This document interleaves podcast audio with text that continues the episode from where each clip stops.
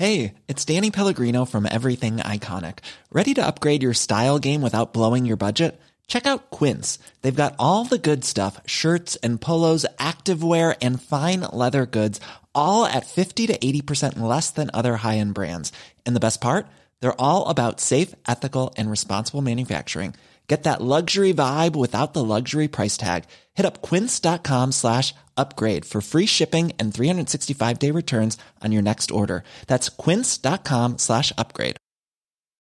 Millions of people have lost weight with personalized plans from Noom, like Evan, who can't stand salads and still lost 50 pounds.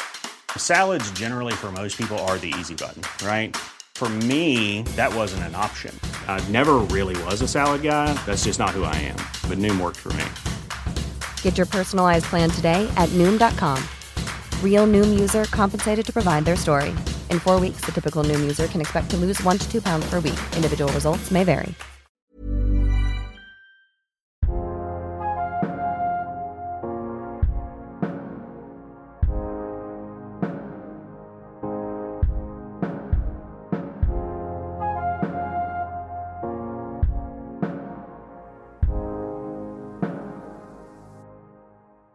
Welcome to Stories from Humans to Humans, a podcast where people tell their stories.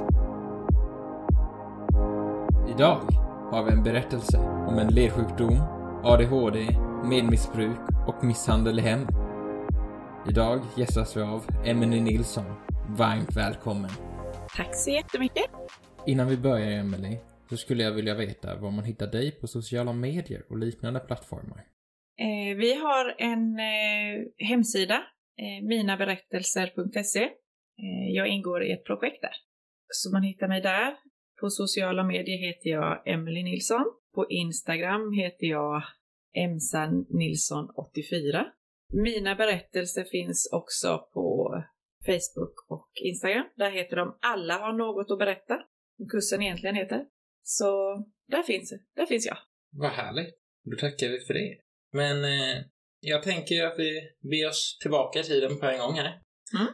Kan du ta oss tillbaka till dina första minnen av dina diagnoser? Eh, yes, jag har en diagnos som heter HEDS. Det är Ehlers-Danlos syndrom, eh, hypermobilitet. Eh, ADHD, GAD, generaliserad ångestsyndrom och posttraumatisk stresssyndrom och ADHD.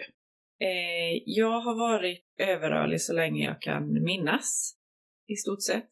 Det är en eh, genetisk defekt i min bindväv. Så jag har, eh, det har varit en tillgång till mig under tiden jag höll på med gymnastik. Eh, men när jag var tvungen att välja antingen gymnastiken eller ridningen i, eh, vad var jag, 10-12 års åldern så pajade kroppen helt enkelt i och med att jag inte höll igång så mycket. Jag valde ju ridningen då. Så då började det krångla. Eh, det började med knäna, ryggen, axlarna har alltid luxerat som det heter, hoppat ur led. Opererades första gången när jag var 17 i knät eh, för upphakningar. Eh, sen har det varit en rad operationer. Diagnosen fick jag inte förrän jag var 24 efter min första diskbråcksoperation. De fick inte bukt med smärtorna. För man har eh, med EDS att göra det. Man har svårt att bli smärtlindrad ordentligt. Så de skickade mig till Västervik, en läkare på smärtenheten som heter Hani Hattar. Och han ställde diagnosen då på EDS. Och det är ju både ett hinder och en, en tillgång. Men just nu så är det mest ett hinder, för mina leder bråkar rätt så mycket. Och då kommer ju nästa diagnos in, min ADHD, som gör att jag gör för mycket. Jag har inte lärt mig att dra ner på min eh, aktivitetsnivå. Så därför går ju kroppen sönder. Och den fick jag som sent nu, det är bara ett par år sedan, vad är det? Jag var 35 när jag fick den. Och jag har väl också känt att det är någonting som är fel. Jag har haft det jobbigt i skolan. De har gjort hörseltester, syntester, dyslexiutredningar, men det visar liksom inget. Och då, när jag gick i skolan på 90-talet så var det inte så uttalat att tjejer hade ADHD. Som tjej och ungdom, barn, så blir man oftast inbunden. Man är ju inte de här utåtagerande dampkillarna som man kallade det då. Eh, ja, min, min ager, mitt utåtagerande kom ju när jag var hemma istället. Så jag var ju en hemsk tonåring. Fruktansvärd egentligen. Och det har jag ju förstått nu med, när jag sitter här med facit i hand. Att problemen jag hade då hade ju med min, dels med min ADHD att göra. Eh, och min verk, för jag har haft verk i kroppen då i stort sett hela livet. Men jag kunde inte sätta ord på det. ADHD kan ju inte vara, som du säger, enkelt och framförallt när inte någon tror att kvinnor har det. Nej. Och sen den här eh, ledsjukdomen, det är liksom... eh, Jag kan tänka att eh, många sådana här gymnaster, de önskar nog att de hade den. Jag Och- tror många har den om jag ska vara ärlig. Men tränar man rätt så, så behöver det ju inte bli knasigt eller så. En del har ju samma diagnos som mig men är fullt fungerande. De har inga leder som luxerar, de är bara lite extra rörliga. Ja, och sen då ridningen. Eh, du väljer den och sen så glömmer du bort resten av träningen. Det, Ja. eh, jag vet hur det är. Ja. Jag är hästkille från början själv. Jaha. Träningen kommer i andra hand, hästarna i Ja. första. Allt vad gäller, vad gäller allt kommer hästarna i första hand. Ja, ingen bra kombo. Nej. Hur skulle du säga att de här besvären har påverkat dig som mest under årens lopp? Eh, kroppen ställer ju till jättemycket. Eh, det är ju ett jättehinder idag. Eh, och hjärnan då, eller min ADHD, den, de är ju liksom som två motpoler. De eh, kan inte samarbeta. Hjärnan vill ju en sak och kroppen orkar bara en annan. Så det är ju ett jättehinder. Och sen, och det får ju med sig att saker hoppar ur led. Och det gör att jag måste ta det lugnt, vilket gör att jag får skuldkänslor för annat. Eh, jag övertänker jätte, jättemycket. Jag reflekterar i efterhand och kan få ångest på grund av att jag vet att jag skulle gjort på ett annat sätt, men jag gjorde så och då gick något fel. Eh, så det är, det är kämpigt, men man får försöka hitta sin egen väg. Och jag jobbar stenhårt med det just nu. För att försöka hitta en jämn aktivitetsnivå då, där kroppen och hjärnan kan samspela. Det tycker jag du gör helt rätt i faktiskt. Eh, något som är väldigt klokt i det är att jobba med kropp och sinne samtidigt. Ja, Det är väldigt nödvändigt för att kunna fungera bra. Mm. Framförallt kan jag tänka mig med dina besvär där då. Ja.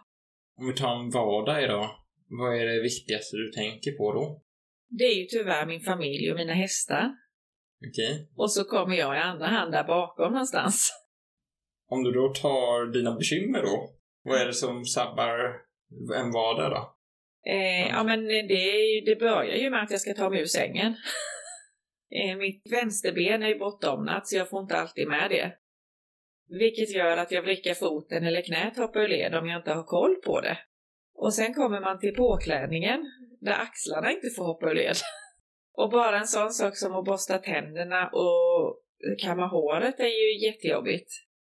Eh, för nu har min högerhand jag har överansträngt den så mycket nu i och med att min vänsterarm, där axeln är sämst, har, har jag fått ta lite lugnt med. Så då blir högerhanden över, överansträngd så jag har ingen känsel i de fingrarna. Så bara det här morgonbestyret är, det är ett helt projekt i sig. Och när man har tagit sig igenom det och barnen är i skolan så är det oftast antingen sjukhusbesök eller så är det stallet. Eh, och är jag i stallet så där är ju min frizon för allt.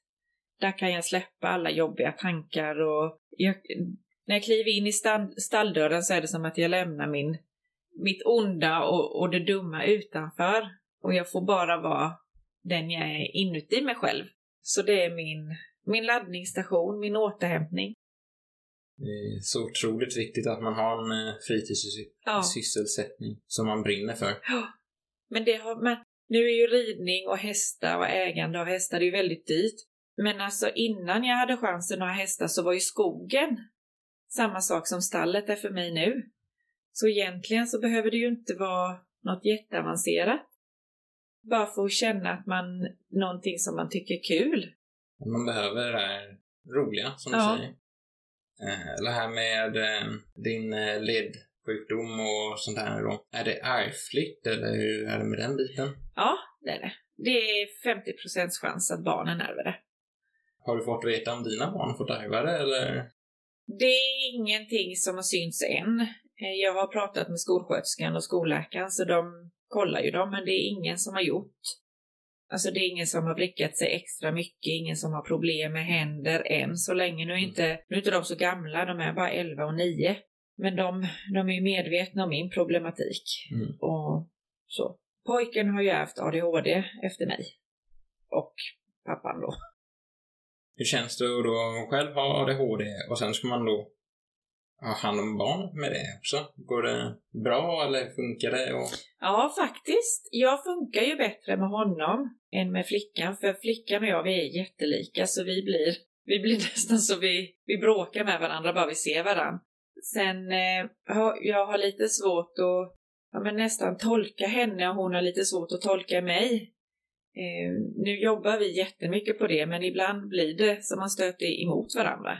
Och hon förstår inte riktigt alltid när jag när de kommer hem från skolan så kan jag ligga i soffan och slökolla på mobilen. Men då har jag egentligen varit igång hela dagen och städat hela huset. Och ser att när barnen kommer hem kan vi ha en liten mysig stund ihop. Men hon tycker att jag bara ligger och slöar. För det är ju det hon ser. Det tror jag är ganska vanliga bekymmer i Ja. vilken familj som helst. Ja, ja men det är det. Jag vet att du har säkert massa mer saker om eh, dessa saker att prata om och du får ta upp dem under resans gång här. Ja. När du var 16 år så vet jag att eh, det hände en tragisk sak i ditt liv Ja. som har påverkat dig eh, mycket under ditt liv sen. Ja. Kan du berätta eh, hur och vad som har hänt och hur det har påverkat dig? Eh, jag förlorade min mamma eh, 2000. Den 19 september. Hon dog i cancer. Äggledarcancer, för att vara exakt. Och jag bär på samma gen som hon blev sjuk i. Så jag har gjort en eh, bröstrekonstruktion. Eh, tagit bort brösten och jag ska ta bort äggledarna och äggstockarna. Så. Den genen heter BRCA1. Eh, och hennes sysk syskon har den med. Två av mina kusiner har den, vad vi vet. Eh, så mamma hade då äggledarcancer. Som de, eh, hon fick det 97. De opererade henne, strålade henne och fick cellgifter. Sen var hon okej där under ett och ett halvt år. Sen började hon få ont i ryggen igen. Så det hade spridit sig, metastaser, upp i lungorna och i luftrören. Och det kunde de inte, de strålade ju och gav cellgifter men de kunde inte operera det. Eh, så ja, det var det som tog henne från oss här på jorden.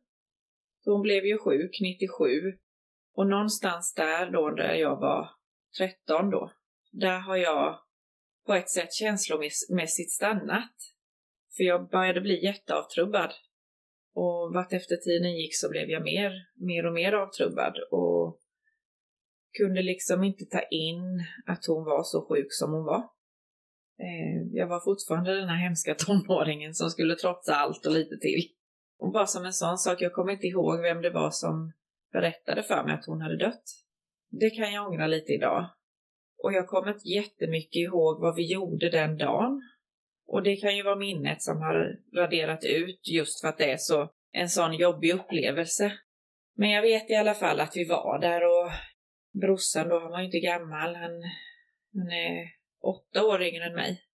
Han, eh, han var ju också med då eh, och tog illa vid sig. Han är adopterad så han har ju redan förlorat sin biologiska mamma, eller vad man ska säga, inte förlorat, men han vet ju inte vem hon är. Och sen nu förlora sin eh, ja, svenska mamma eller riktiga mamma i Sverige. Det satte ju jättespår i honom också. Så jag kände ju att jag skulle, eller jag, att jag, jag skulle axla rollen som en mamma. Vilket är fel. Men det var ju min räddning. För då slapp ju jag ta hand om mig själv. Så där började jag ju sätta andra framför mig själv. Och det är ju någonting jag har gjort i stort sett under hela mitt liv. Och sätta upp mina murar. Ja. Det, jag förstår. Det måste ju vara, hur ska man säga, typ en räddning. Att man, man slipper ju känna om sig själv. Mm. Utan man gräver ner sig i allt annat. Ja. Så då behöver man inte hantera det här tunga, jobbiga själv. Nej, precis. Hur har detta gjort med resten av din uppväxt sen där?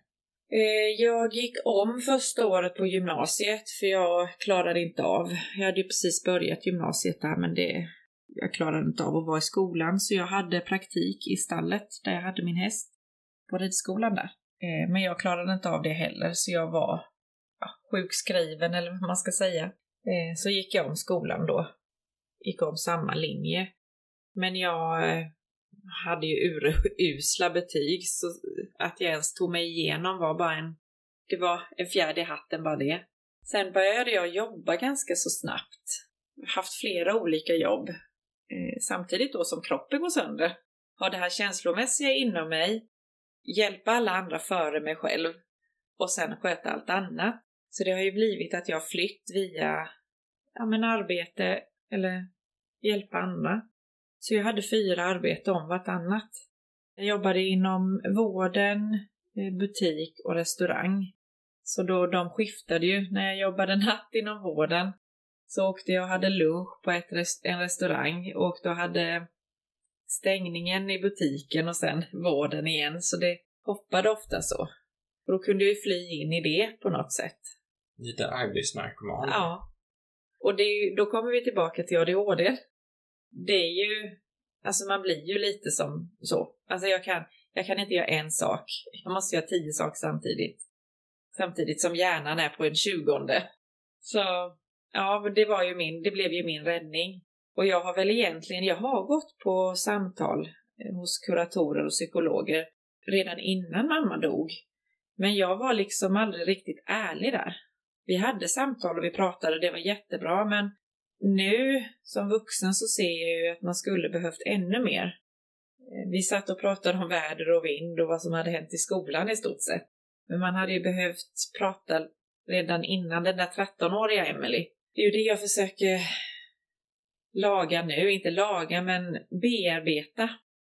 Ska man väl säga, för jag har ju inte riktigt bearbetat mammas bortgång.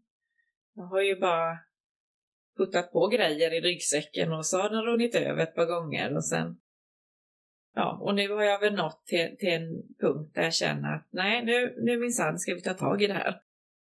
Vad gör du för att bearbeta ditt bagage?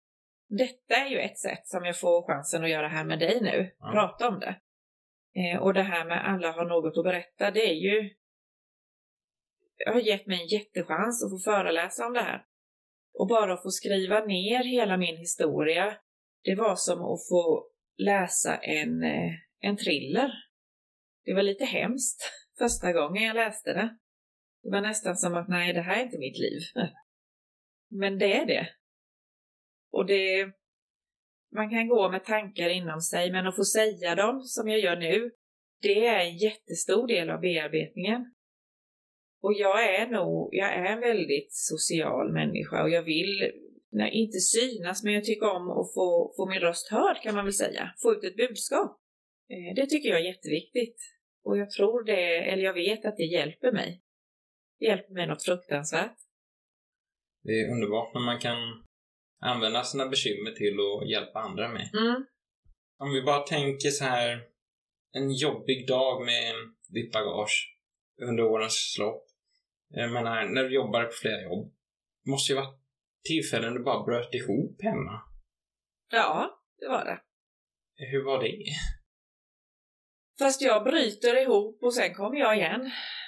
Det är så jag har levt. Jag har liksom inte haft någon, någon annan...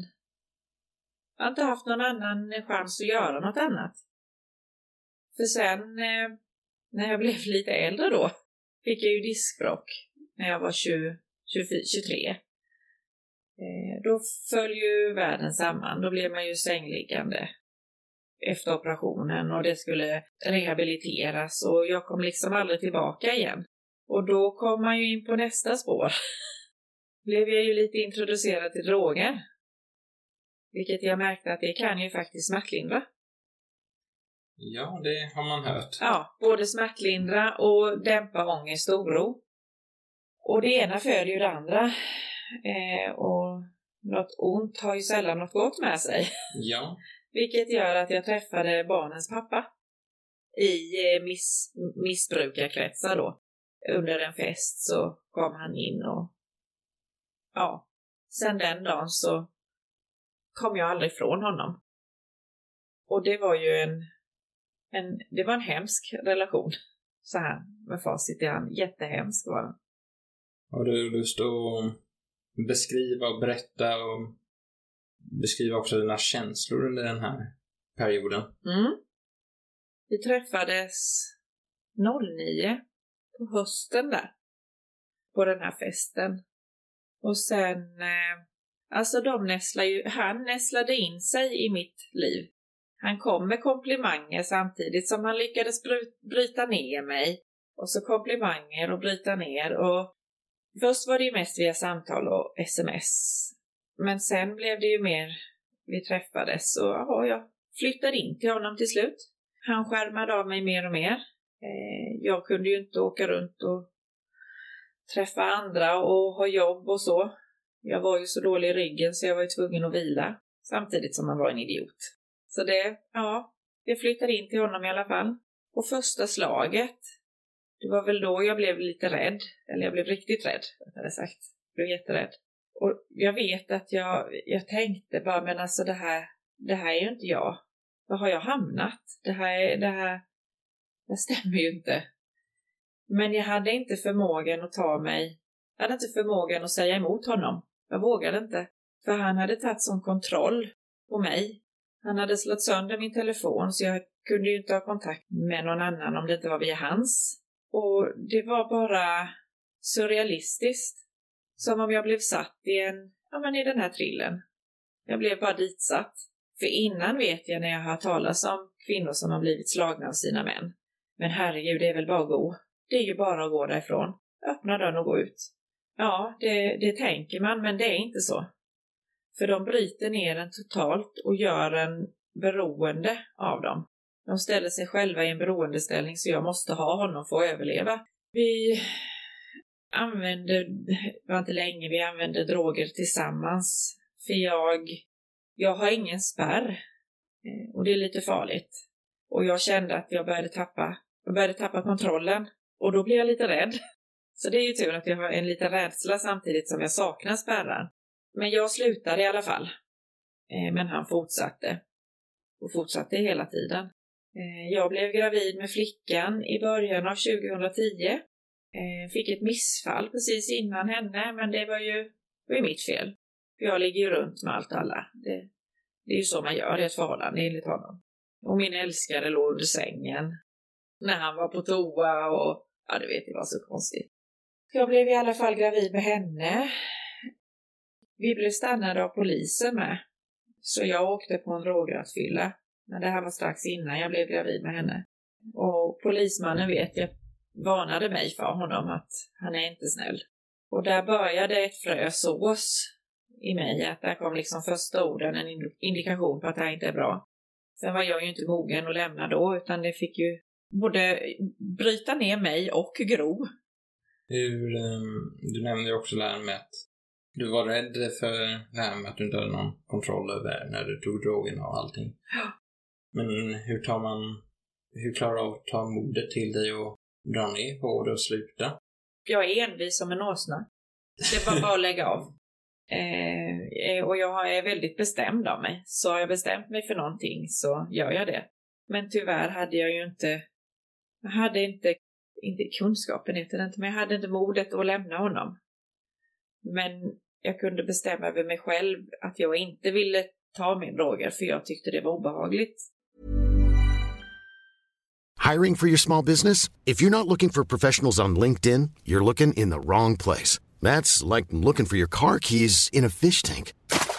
LinkedIn helps you hire professionals you can't find anywhere else, even those who aren't actively searching for a new job but might be open to the perfect role. In a given month, over 70% of LinkedIn users don't even visit other leading job sites. So start looking in the right place. With LinkedIn, you can hire professionals like a professional. Post your free job on linkedin.com slash people today.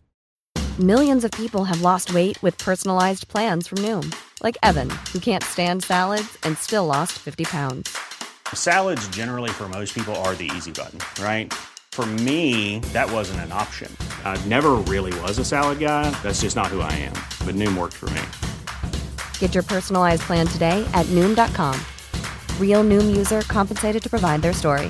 In four weeks, the typical Noom user can expect to lose one to two pounds per week. Individual results may vary. Hey, it's Paige DeSorbo from Giggly Squad. High quality fashion without the price tag. Say hello to Quince. I'm snagging high-end essentials like cozy cashmere sweaters, sleek leather jackets, fine jewelry, and so much more. With Quince being 50 to 80% less than similar brands. And they partner with factories that prioritize safe, ethical, and responsible manufacturing. I love that. Luxury quality within reach. Go to quince.com slash style to get free shipping and 365-day returns on your next order. quince.com slash style. Eh, och jag vet inte om jag, eller jag hade inget bero, regelrätt beroende. Eh, jag hade ju ett missbruk, det vet jag. Men jag var ju en, mer en brukare än en missbrukare. Sen är det, det, det är ingenting som är rätt och jag försöker verkligen inte försköna någonting. Men jag hade inte det här, jag vaknade inte på morgonen och kände att nu, nu måste jag ha en liten tjack eller nu måste jag ta, röka lite, lite hasch för att lugna ner mig. Så var det aldrig. Utan det var mer för att fly vardagen. Och sen på, innan då var det ju fest. Innan jag träffade honom så använde jag det på festerna. För orka, för ryggen var paj. Mycket skit som har hänt där. Ja. Sen det här med när våldet började. Mm. Jag vet att du sa att det var också en liten sån här uppvakning. Och... Men hur är det rent känslomässigt att vara en person när man får misshandel blir regelbundet eller då och då i sitt hem? Man är ju konstant rädd. Eh, du vågar inte röra lilltån med rädsla att få stryk. Man vågar inte byta tv-kanal, eh, laga fel mat, råka titta på någon. Som om vi, när vi var ute bland folk eller hemma hos hans familj, om jag råkade titta lite extra på hans, en av hans bröder när jag pratade med honom, eller någon av dem, då kunde jag ju åka på stryk när vi kom hem. Och ja, innan då och nu så tycker jag man, ja men jag gillar att ha ögonkontakt med den jag pratar med. Men det har jag ju fått bygga upp nu från det.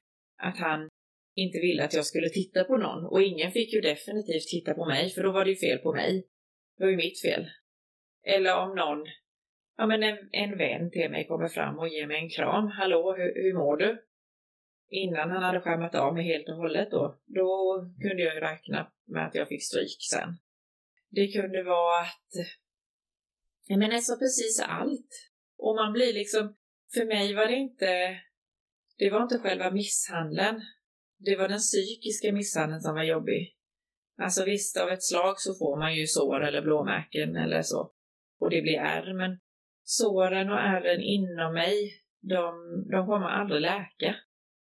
Och definitivt inte när man blir nedbruten och blir kallad både det ena och det andra. Och ens familj är, är dumma i huvudet och, och vännerna är ännu mer dumma i huvudet och de förstör allt. Och det var det som var det jobbigaste och det var det som var det jobbigaste att ta sig ur. Just det, den, den psykiska delen. Usch. Ja, sår inombords är kämpigt att leva med. Ja. Det, det tar tid att lära sig ett sätt att leva en vanlig dag med dem. Ja. Jobbigt nog. Och jag vet hur det är att försöka läka någonting inombords. Det, det tar tid. Ja. Hur... Ja, din berättelse slutar ju faktiskt inte med att du är misshandlad, utan... Nej. Vad händer, vad händer för att ta oss härifrån vidare till idag? Eh, jag lämnade ju honom 2000, nu måste jag tänka. Jag skickade in skilsmässan 2013. Eh, och sen i och med att vi båda har, vi har ju två barn ihop, så tar det ju sex månader. Eh, så 2014 var det definitivt så slut. Och vad gjorde att du fick det modet till dig då? Eh, han skulle åka in på sin, sitt första fängelsestraff. Eh, och innan det så har jag sökt, både sökt hjälp och fått hjälp, men jag har inte varit mogen för det. Socialen har varit jättesnälla mot mig, men det har inte varit rätt. Men då i alla fall, han ska in, avtjäna sitt straff i åtta månader. När han ska komma ut så ställer jag mitt första riktiga ultimatum som jag orkar stå fast vid. Och eh, det var att han, jag orkade inte ha honom boende hos mig, utan han skulle bo hos sin mamma, eh, lämna drogtester via frivården, ha de samtalen och sen att vi har en bra relation med barnen. Så vi träffas på dagtid, sen går jag hem till lägenheten och han stannar kvar där och sover. Så vi kan få bygga upp den här relationen igen. Men eh, andra dagen så sticker han. Var inte kul längre. Och då, då var det liksom definitivt. Så då flyttar jag till min första egna lägenhet. Jag flyttar upp en våning med barnen. Eh, får en säkerhetsdörr och kan för första gången känna att nu har jag nyckeln till vårt liv. Jag kan låsa dörren och veta att nu kommer ingen hit. Det här är mitt. Vilken befrielse. Ja. Det måste ju varit typ bästa dagen i ditt liv. Ja. Och det var som jag sa innan med det här fröet när första polismannen sa till mig. Det har ju, personer har ju sagt till mig under åren, både kompisar och släkt och, och socialen och polisen igen och, och alla de här har ju frågat hur det är med mig, påmint mig att jag måste lämna och varje gång någon har sagt det här så har ju det här lilla, lilla fröet fått gro Mm. till att bli den här stora eken kan man väl säga, så att jag kan lämna. Och då föll det sig rätt så bra att jag kunde lämna, för då blev det liksom definitivt. Och socialen var ju på mig att gör du ingenting nu så kanske vi måste ta tag i det här. Nu är det ju inte så att de bara kommer och plockar barn, men att de, de gör ju någonting. För barn ska ju inte behöva leva i, i missbruk och misshandel. Ja. Starkt av dig att ta, börja ta dig ur det här. Ja, När du nu har din egna lägenhet, sagt till att eh, barnen kanske får lite tryggare framtid. Vad eh, händer då med dig och ditt liv? Vad gör du för att ta dig vidare därifrån? Ja, då är jag ju totalt på botten. Och då känner jag att nu, nu måste vi bara, nu måste jag jobba för att barnen ska få en bra framtid. Att de ska få en trygg uppväxt. Och, och det som gör att jag kämpar då, eh, när jag blev som mest slagen så kunde jag titta på, ja, dottern var ju förstfödd då, på henne. Och hon, hon bara ger mig all den här ovillkorliga kärleken. Den bara finns där. Under tiden jag blir helt sönderslagen i stort sett. Och kan hon ge den till mig utan att säga någonting så måste ju, då måste jag ju bara orka. Jag måste ju kunna ge tillbaka det här till henne. Jag måste ju ge henne en fin framtid. Så det är mitt, det är liksom det som håller vid mig vid att, att fortsätta kämpa för eh, henne då och, och hennes bror. Så det är bara det, jag glömmer allt annat, det är bara för deras del. Ja, jag kämpar. Och vi bygger upp vårt liv. Eh, jag vågar ju börja träffa kompisar igen. Jag vågar vidga mina vyer.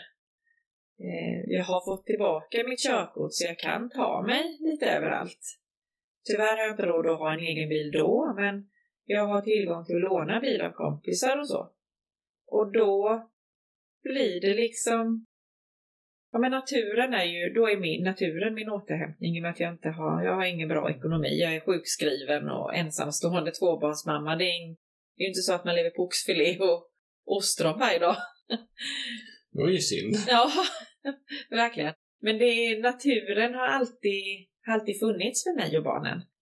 De kan alltid springa och leka i naturen oavsett årstid. Vi gick, jag vet inte hur många mil jag asat den där tvillingvagnen. Skogspromenad och promenad i samhället och det var ju någonstans vår räddning. Och sen har ju mina vänner funnits där. Och familjen fanns ju också, och släkten. Hur eh, bemötte familj och vännerna dig när du började ta dig ur det här? Från att knappt få ha någon kontakt med det alls. De gjorde ingen stor grej av det, det var jag som skämdes. Okej. Jag skämdes något fruktansvärt att jag valde bort dem. Att jag valde han, honom då, före, före dem. Och de, eh, det är ju först nu, bara för ett halvår sedan, jag talade om det här för släkten. Och då sa de, nej men herregud, det är väl ingenting att skämmas för. Mm. Nu får vi ju, det som har varit, det har varit. Och vi, vi älskar ju dig för den du är. Du har inte förändrats i våra ögon. Och jag, jag försöker jobba på det, men det är jobbigt. Jättejobbigt för mig, för jag skäms för det. Det är ingenting du ska skämmas över. Nej, det vet jag, men det, det, blir ändå, det blir ändå så. Och jag tror det här kan hjälpa mig att bryta isen för mig själv och för andra som inte vågar. Och det behöver ju inte handla om misshandel. Det kan ju handla om vad som helst, alltså eh, sexualbrott och allt sånt, mobbning. Mm. Man ska ju inte skämmas för det. Det är ju inte vi som har gjort fel som har blivit utsatta. Nej, det är den som utsätter en som har gjort fel. Precis. Tråkigt nog så är ju oftast de också en berättelse vad det är som har lett fram till att de blivit sådana. Absolut. Man får bara hoppas att de eh, växer som människor ur sitt Ja. Till slut med. Ja. För deras skull. Ja. Men om vi... Ja, alltså... Jag är lite tagen. Ja. Ehm, men om vi tänker lite eh, tips och råd till folk idag då. Som du vet har liknande situationer som du har varit med om i livet. Ja. Vad skulle du vilja säga till dem? Eller vad skulle du säga till dig själv? Bara gå tillbaka till eh, ditt 13-14-åriga jag. Vad skulle du vilja säga till henne? Du är aldrig ensam. Man kan känna sig som den mest ensammaste människa i världen. Men man är aldrig det. Oavsett vilka förhållanden eller hur du lever så är man aldrig ensam. Jag jobbar fortfarande med det. Det är jättejobbigt, men man är faktiskt aldrig det. Det finns alltid någon som hjälper en och stöttar en. Sen behöver inte det vara familj. För familjen har mig, för mig har ju, har ju blivit jätteförändrad. Mm. Jag jobbade ju för en kärnfamilj. Den finns inte längre. Den har jag slått hål på. Och jag hoppas fler kan göra det. För det är inte alltid den som är biologisk mamma, pappa eller syskon som är den bästa för en. Det kan vara en, en utomstående. Och att man vågar ta emot hjälpen. Man behöver inte alltid vara så där himla stolt. Vad skulle du då säga till eh, de här unga tonåringarna? Du tänker på dig själv och sen så tänker du på dem du hade runt dig. Ja. De ser ju att någonting är fel. Ja. Det gör man. Vad skulle du vilja ge dem som tips? Vad ska de göra för att underlätta ditt liv? alltid finnas där. Oavsett om någons förälder har dött, någon har blivit utsatt för misshandel eller blivit rånad eller utnyttjad eller något. Att man alltid är där och stör lite. Ja men alltså det, det tar inte många sekunder att skicka iväg ett sms. Ett mejl kan man skicka om man eh, inte vill att det ska gå via sms. Man kan ringa. Det finns ju fortfarande snigelposten, det går ju att skicka brev. Ja. Eh, Nej men alltid visa att eh, slänga iväg ett litet sms där. Hallå, hur mår du? Jag finns här. Eh, eller ringa, vill du ta en fika? Ska vi träffas för en promenad eller bara sitta ner och glo på en film? Och inte göra så, så stor grej. Alla behöver nästan lite släppa garden mot varandra. Vi är bara människor, stöpta i samma form, nästan. Och vi, vi måste, måste bara våga se oss för dem vi är och faktiskt se människan, inte bara det, det yttre, utan det finns någonting där bakom. Tycker jag är jätteviktigt och det försöker jag säga till mina barn. Att det spelar ingen roll hur man ser ut, alla är lika mycket värda. Och det spelar ingen roll vem man tycker om, alla är fortfarande lika mycket värda. Och om vi tar då om missbruket där. Om du... Om du tänker att du ser dig själv idag då, i den situationen. Vad, vad är det bästa tror du du kan säga till någon som är i den situationen för att få dem kanske hajat någonting bekymmer eller att de kanske ska söka hjälp eller... Det blir inte bättre. Rent krasst så är det så, det blir inte bättre. Snarare sämre. Och det är samma sak där, du är inte ensam. Mm. Alltså vi finns här. Det är ett helt samhälle fullt med folk. Och vi måste bara öppna upp för det där. Och missbruk är ju så tabubelagt fortfarande. Vilket missbruk det än gäller.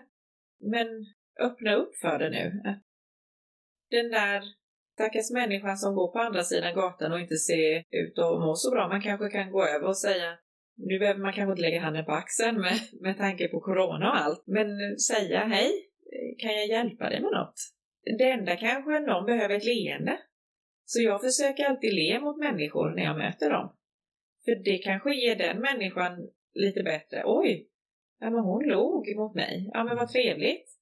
Och det kanske kan göra att, att näst, den människan då leder, ler mot en, en missbrukare. som får känna den här värmen inom sig. Som kanske gör att den inte tar nästa spruta. Eller no, inte vet jag, men jag tror på att se människor och lyssna på människor, ta sig tiden. Sen har vi ju den här delen då med eh, våldet i hemmet och våldsam relation och allting sånt. Det är någonting jag, jag har tänkt på en hel del sista tiden. Ja. Känner människor som är i de situationerna själv.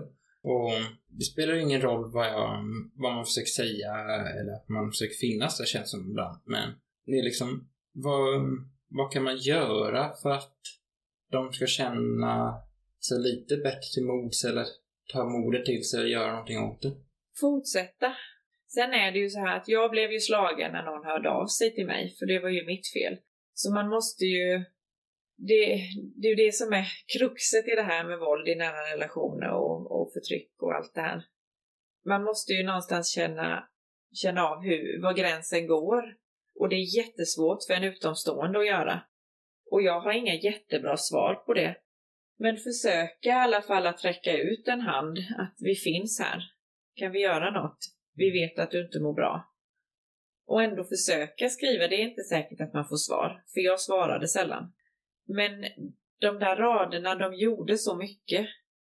Och till slut så gjorde det ju att jag faktiskt vågade och orkade lämna. Men det är samma sak där, visa att man ser. Att man, eh, att man finns. För när de väl vill, orkar och vill och kan lämna, då måste man fortfarande vara den där människan som finns där. Man behöver inte vara någon som bara överöser en med grejer, utan man försöker vara lite som, som vanligt. Sen kan det vara så att man behöver någon extra kram då och då och så här.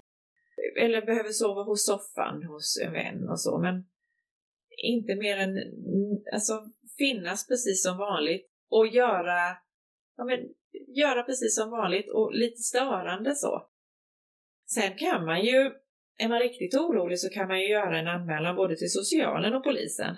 Så får ju myndigheterna hjälpa till och de har ju också hjälpt mig. Och man kan få ganska så god hjälp av dem faktiskt.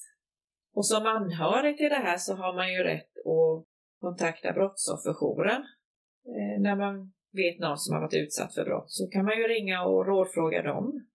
Man kan ju ringa och rådfråga polisen och socialtjänsten. Skulle du säga att eh, i slutfasen där att det viktigaste är att man eh, ser till att man bryter med personen på ett sätt där man kanske aldrig igen hör ifrån den? Eller är det okej att man hör från den personen som bryter ner en så? För mig funkar det inte det. Jag vill inte ha med honom att göra.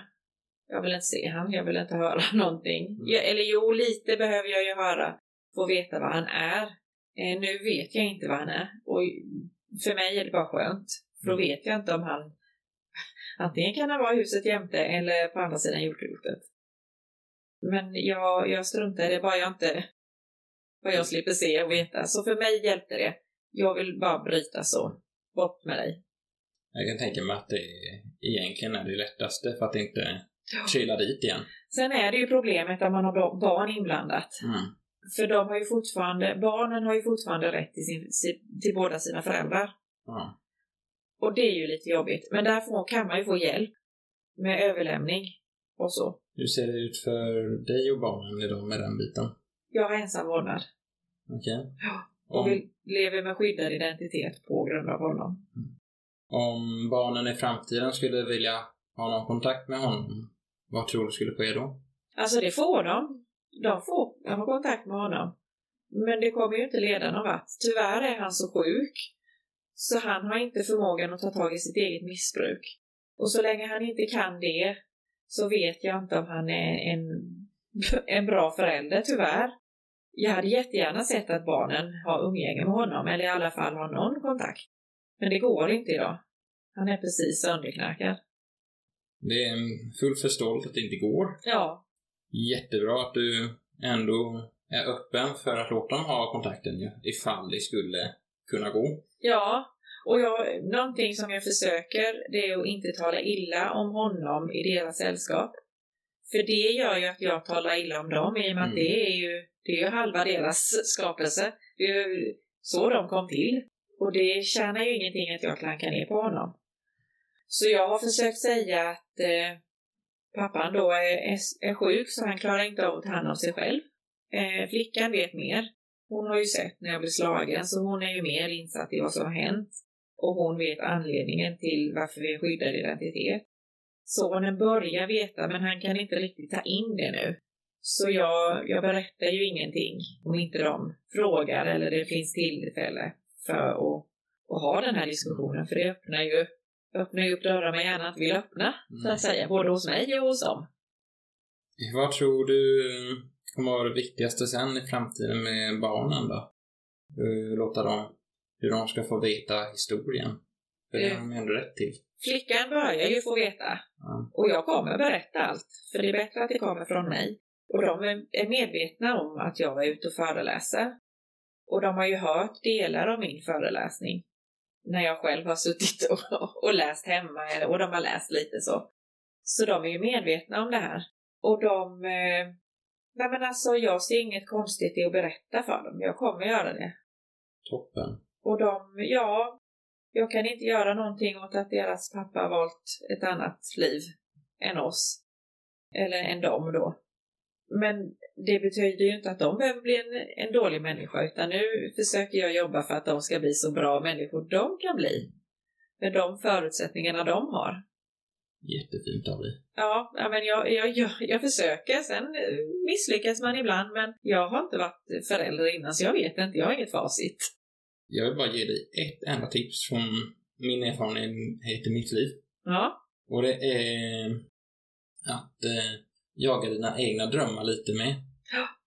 Desto mer drömmar du har, desto mer drömmar kommer dina barn ha. Ja. När de ser att du jagar dem, även om de låter omöjliga, så kommer de jaga sina. Ja, jag håller ju på att jaga min dröm. Jag gör ju det nu. Nu får jag chansen att, att höras via din podd. Och min dröm i, i framtiden, det är ju att ha en, eh, en gård med djur och lite terapeutiskt arbete med barn och ungdomar som har hamnat snett. Och vuxna som lever med skyddad identitet. Så de kan få en fristad, som jag har fått. Vet du vad jag säger då? Nej. Jag ser fram emot att få intervjua dig den dagen gården är full igång. Då ska du få vara den första, det kan jag lova dig. Fantastiskt. Ja. Jag vill tacka så jättemycket för ditt budskap Tack så och din jättemycket. berättelse. Tack för att jag får vara med. Du får ha en trevlig dag. Tack samma.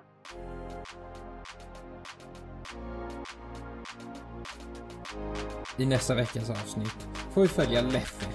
Från sina unga år, genom stölder, knark och alkohol, till att bli den nyktra alkoholist han är idag. Ha nu en fantastisk vecka, så hörs vi då.